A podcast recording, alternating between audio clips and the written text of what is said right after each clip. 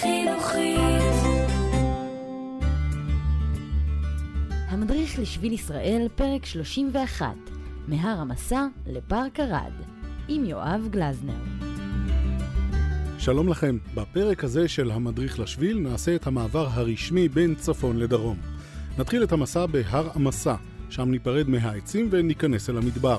נתחיל בהר עם שם תנכי, נעבור על חלק מדרך רומית עתיקה, נמשיך בכפר מערות פלאחי ונסיים בעיר ערד.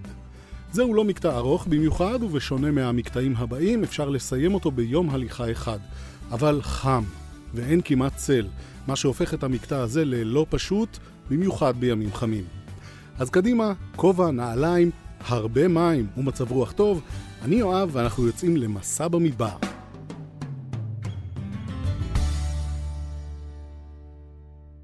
כפי ששמתם לב, האזורים הירוקים של הארץ מאחורינו, ואנחנו צוללים אל המדבר.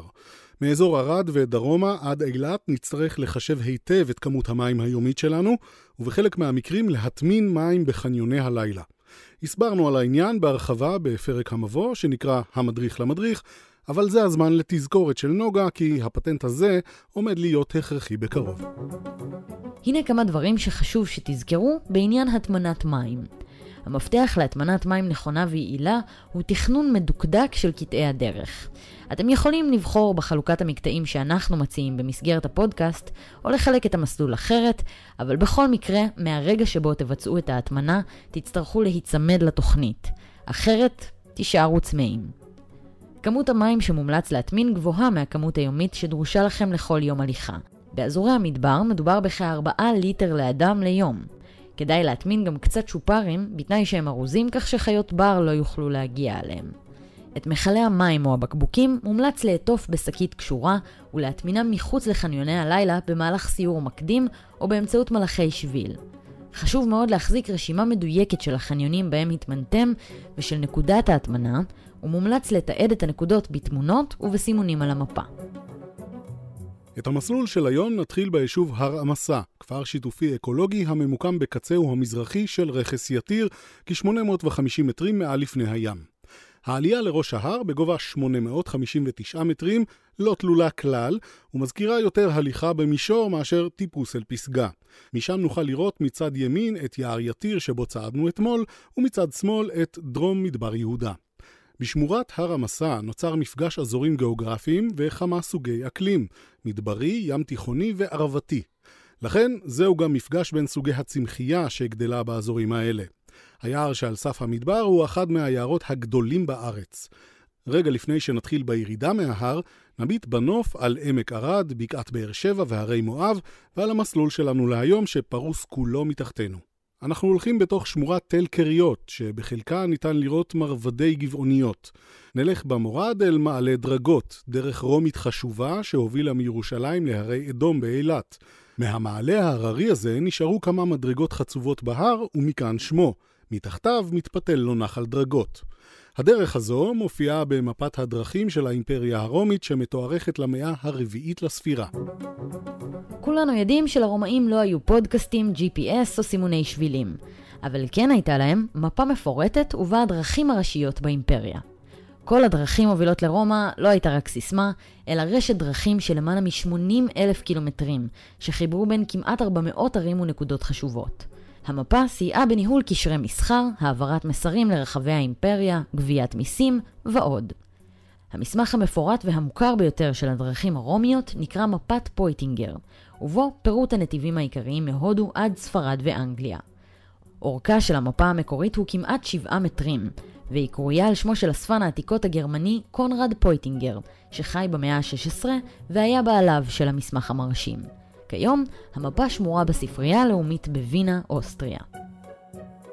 נחלוף על פני הכפר דריג'את, שמשמעות שמו בערבית היא מדרגות, כמו הדרך הרומית הסמוכה.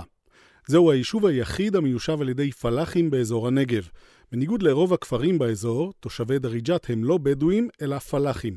אם אתם עוברים כאן בלי לחץ של זמן, שווה לתאם ביקור במערות מגורים מסוף המאה ה-19, ראשית ההתיישבות במקום. היישוב הוכר על ידי מדינת ישראל וחובר לרשת המים הארצית, אך לא למערכת החשמל. רוב התושבים מחוברים לגנרטורים, וכמה מהם זוכים לאספקת חשמל מלוחות סולאריים שהותקנו במקום. ביישוב נמצא המסגד הראשון והיחיד במזרח התיכון שפועל באופן מלא בעזרת חשמל שמופק מאנרגיית שמש. השביל פונה מזרחה, ואנחנו איתו. עוברים בין כפרים בדואיים וחולפים לעיתים על פני עדרי הצאן המקומיים. נמשיך לכיוון דרום-מזרח עד שנגיע לתל ערד. תל ערד הוא אחד התלים החשובים והעשירים ביותר בארץ. נמצאו בו שרידיה של עיר כנענית, מצודות מתקופת מלכי יהודה, ושרידים של מפעלי מים ששירתו את תושבי העיר לאורך התקופות השונות.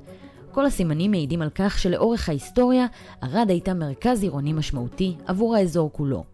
ערד הכנענית הייתה מבוצרת היטב. היא הוקפה בחומה באורך של למעלה מקילומטר ובעובי שני מטרים וחצי. החוקרים מעריכים שגובהה של החומה היה כחמישה מטרים. בתל נמצא גם מפעל מים גדול שהתבסס על מי הגשמים, בתי מגורים רבים בסגנון אחיד, מבנה שלטוני מרכזי המכונה הארמון, ומבנים ששימשו לפעולות פולחן. התל הוכרז כגן לאומי בתחילת שנות ה-80, הכניסה אליו בתשלום, ויש בו גם שירותי קמפינג, שמפעילה רשות הטבע והגנים. בדרך לפארק ערד, שבו אפשר יהיה לעצור ללילה, נוכל לראות בעונה המתאימה פריחת שקדיות ואירוסים. אנחנו חוצים את פארק ערד ושוטפים את העיניים בעוד קצת ירוק. הפארק נקרא גם חורשת רן, לזכרו של תושב העיר רן שוחט, שנפל במלחמת יום הכיפורים במערב של הקומנדו המצרי. זוהי נקודת הסיום של המקטע, אך אפשר גם להמשיך להתהלך מעל יובלי נחל צאלים עד שנגיע לעיר ערד ולהתארח בה ללילה בנוף אורבני שלא נפגוש בימים הבאים של המסע. עד כאן להיום. המדריך לשביל ישראל, כל מה שצריך לדעת על השביל של המדינה. תחקיר ותסריט סיון רדל, קריינות נוגה קליין. עריכה והפקה יואב גלזנר וגידי שפרוט.